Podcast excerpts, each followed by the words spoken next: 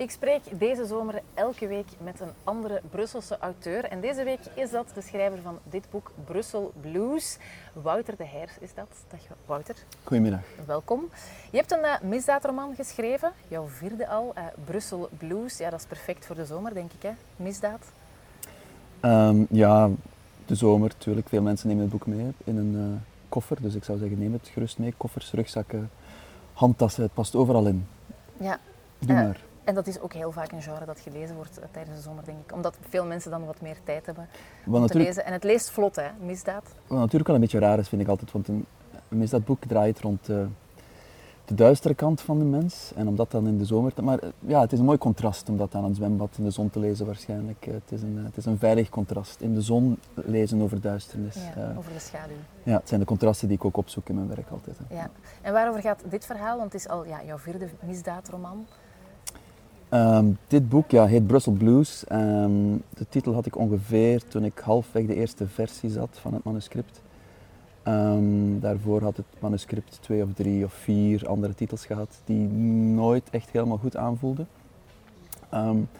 blues, omdat het uh, een muziekgenre is dat focust op de verliezers in de maatschappij, de losers. Het is ook de bluesmuziek werd gezongen door, door zwarte slaven, die natuurlijk bij uitstek de verliezers waren van the American Dream. Um, en als je dat dan naar een andere setting overplaatst, blijft natuurlijk het gevoel van verlies hangen. Dus de, I got the blues, ik ben mijn lief kwijt, mijn geld kwijt, ik ben, ik ben van alles kwijt. Dus ik moest focussen, wist ik, in dit boek op de mensen die dingen kwijt waren. Um, dus zowel mijn hoofdfiguur verliest bepaalde dingen in dit boek, verliest heel veel zelfs. En er is dan een soort van echo naar de zaak waar hij aan werkt. Hij zoekt naar een verdwenen transmigrant. En de transmigranten zijn bij uitstek de mensen die ja, die veel achterlaten, die veel verloren hebben, maar in dit land waar ze hopen op redding ook nog eens dreigen te verliezen, want niemand wil hen hier hebben, niemand wil hen zien, vaak worden ze niet geholpen, dus het zijn dubbele losers, zeg maar. Ze, ze, vluchten weg van miserie, ze komen ook in miserie terecht. Dus ik wist dat ik um, iets met dat gevoel van verlies moest doen in dit boek. Ja, ja en waarom ja, transmigranten? Is dat dan omdat je die dan ziet lopen op straat of omdat je dat in de krant of op tv hebt gezien? Ja, ik probeer altijd, um, dus ik lees veel kranten. Ik lees veel Brusmagazine trouwens. Dat is een bron van inspiratie. Ik probeer op de een of andere manier de tijdsgeest te vatten. Um, en die haal ik natuurlijk uit de pers. Maar de tijdsgeest is heel breed. Er gebeuren heel veel dingen in heel de wereld. Dus mijn manier om de tijdsgeest wat meer te focussen is door die te beperken in tijd. Namelijk de dag waarop ik begin te schrijven is meestal ook de dag waarop het verhaal zich afspeelt of waarop het verhaal begint. En door de, de locatie te, te beperken tot één locatie, en in mijn geval is het dan Brussel. Dus die, die, die focus op één plek en één tijd, dan heb ik het gevoel dat ik meer grip krijg op mijn materie en dat ik het makkelijker die tijdsgeest kan vatten op papier. Ja, want je wandelt ook veel rond blijkbaar om te researchen uh, voor jouw boeken. Hoe gaat dat dan? Zet jij je dan ergens met een notitieboekje op een, op een terras? Of? Nee, ik ga niet in Brussel rond met een notitieboekje. Ik wandel wel veel rond. Ik heb dat altijd gedaan. Ik ben in Brussel komen studeren aan de KUB, die nu niet meer bestaat, in Koekelberg. Um, en omdat Koekelberg niet meteen echt in Brussel centrum ligt, en omdat ik Brussel helemaal niet kende als 18-jarige student, ben ik vanuit Koekelberg heel vaak beginnen wandelen door Brussel. Dus ik heb nu nog steeds in mijn hoofd een heel netwerk aan subjectieve verbindingen die waarschijnlijk niemand anders heeft, want het centrum is Koekelberg voor mij. um, en gewoon door te wandelen, dat is mijn favoriete vorm van research sinds mijn academische carrière gedaan is, probeer ik die boekenresearch zoveel mogelijk te beperken en, en, en de research het aangename aan het nuttige te koppelen en gewoon door de stad te stappen en te luisteren, te ruiken, te zien wat er gebeurt af en toe op café te gaan uiteraard. Dat helpt ook altijd om het kleurlokaal te ontdekken. Al jouw zintuigen openzetten eigenlijk. Dat is heel belangrijk. En dan, dan proberen om die stad op papier tot leven te wekken. Ja. Ja, was je dan niet zelf beter ja, politieagent geworden of misdadiger misschien zelfs? Nee, wat fascineert jou aan het, genre? Ja, misdadiger, ja, dan uit, uit, de gevangenis interviews geven is wat moeilijker misschien. maar uh, het is geen politie, ik schrijf geen politieromans. Voor mij is er een groot verschil tussen de policiers uh, die focussen op een politievrouw of man als hoofdfiguur. En in mijn geval de privédetectieven. Um, de politiefiguren staan, dat zijn de, de, gewapende armen van de wet, zeg maar. Die mogen geweld gebruiken om de wet op te leggen, op te leggen en om de staat te verdedigen. ehm, en de rechtvaardigheid van de staat af te dwingen. Maar ja, ik geef ook les in Brussel. Ik geef les aan Brusselse tieners, Brusselse pubers. En als ik dan uitleg dat de politie er is om ons allemaal te beschermen, eh, om onze veiligheid te garanderen in de maatschappij, stijgt er af en toe wel eens hoongelach op in de klas, omdat die Brusselse tieners zich niet altijd vertegenwoordigd voelen door de politie. Ze voelen zich in tegendeel vaak geviseerd door de politie. Begrijp je dat? Ga je dan met hen in gesprek? Ik ga dan in gesprek met hen, want ik voel dat natuurlijk niet zo, maar ik zie er ook anders uit dan zij. Hè.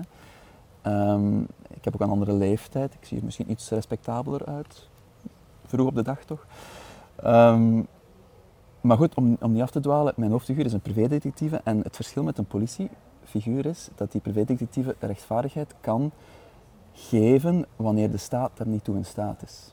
Wanneer de, de gevestigde machten, zeg maar, daar niet toe in staat zijn, kan een privédetectieve een soort van privé-rechtvaardigheid geven. Dat gaat eigenlijk terug, is een heel Amerikaans genre, hè, de, private eye novel, gaat eigenlijk terug op de, de western, waarin ook die western held met hoed, lange jas, sigaret bungelend aan de lippen, ook een soort van, denk maar aan Clint Eastwood in zijn jongere jaren, die gaf ook een soort van Wild West rechtvaardigheid die de officiële machten niet konden geven. Dus de, de privédetectieve kan bloeien in een maatschappij waarin er zekere wantrouwen heerst tegenover gevestigde machten. En dat wantrouwen, tenminste het gevoel van wantrouwen, leeft wel bij sommige groepen in Brussel.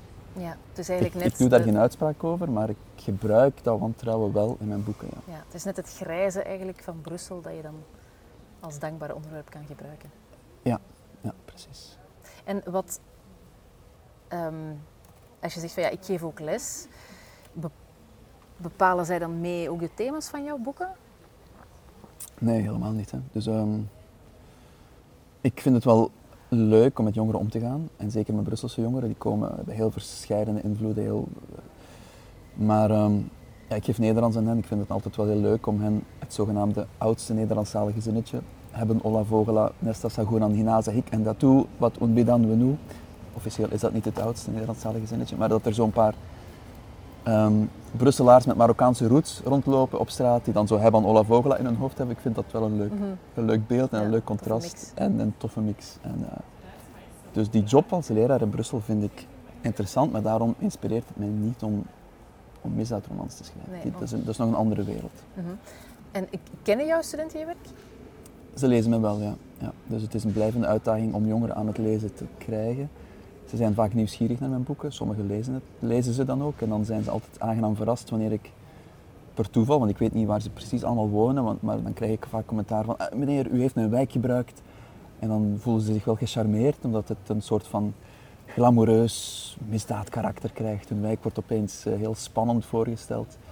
Um, en voor hen is dat gewoon een alledaagse wijk, waar ze elke dag in en uit gaan, naar de winkel gaan, brood kopen. En opeens krijgt het een soort van filmachtig cachet voor hen. Daardoor zijn ze wel gecharmeerd, ja, hoor ik. Maar het is geen verplichte lectuur voor hen? Het is geen verplichte lectuur. Nee, het wordt niet verplicht, ja. Want ja, je, je, kiest ervoor om Brussel onder de aandacht te brengen. Je komt hier graag, je schrijft er graag over. Ja. Maar je kiest natuurlijk wel misdaad. Dat is niet echt reclame voor Brussel natuurlijk. Ja, het is een beetje een clichématig beeld vanuit Vlaanderen soms naar Brussel. Het is hier gevaarlijk. Maar ik, Brussel... Ik ben ook ik ben geboren in de jaren 80, maar ik ben eigenlijk een kind van de jaren 90. En een van de films van de jaren 90 was Seven, uh, een jonge Brad Pitt, verfilmd door David Fincher. Die film gebruikt ook New York als decor in die film. Maar dat New York is bijna niet herkenbaar. Dat New York wordt een soort van vage vuur waarin een, een strijd tussen goed en kwaad plaatsvindt. En ik gebruik Brussel eigenlijk niet Brussel zoals waar we nu zitten. De zon schijnt, we zitten hier in een lekkere strandstoel van een drankje te genieten. Maar ik ben meer op zoek naar een soort van literaire...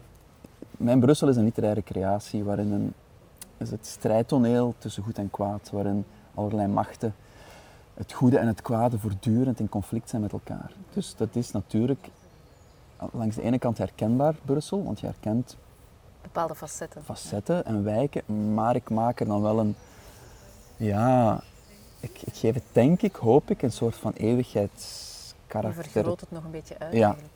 Je bent leerkracht ook, hè. je geeft uh, Nederlandse les, zei je daarnet al. Dat wil zeggen dat je heel veel vakantie hebt, uh, Wouter. heb je dan ook meer tijd om te schrijven?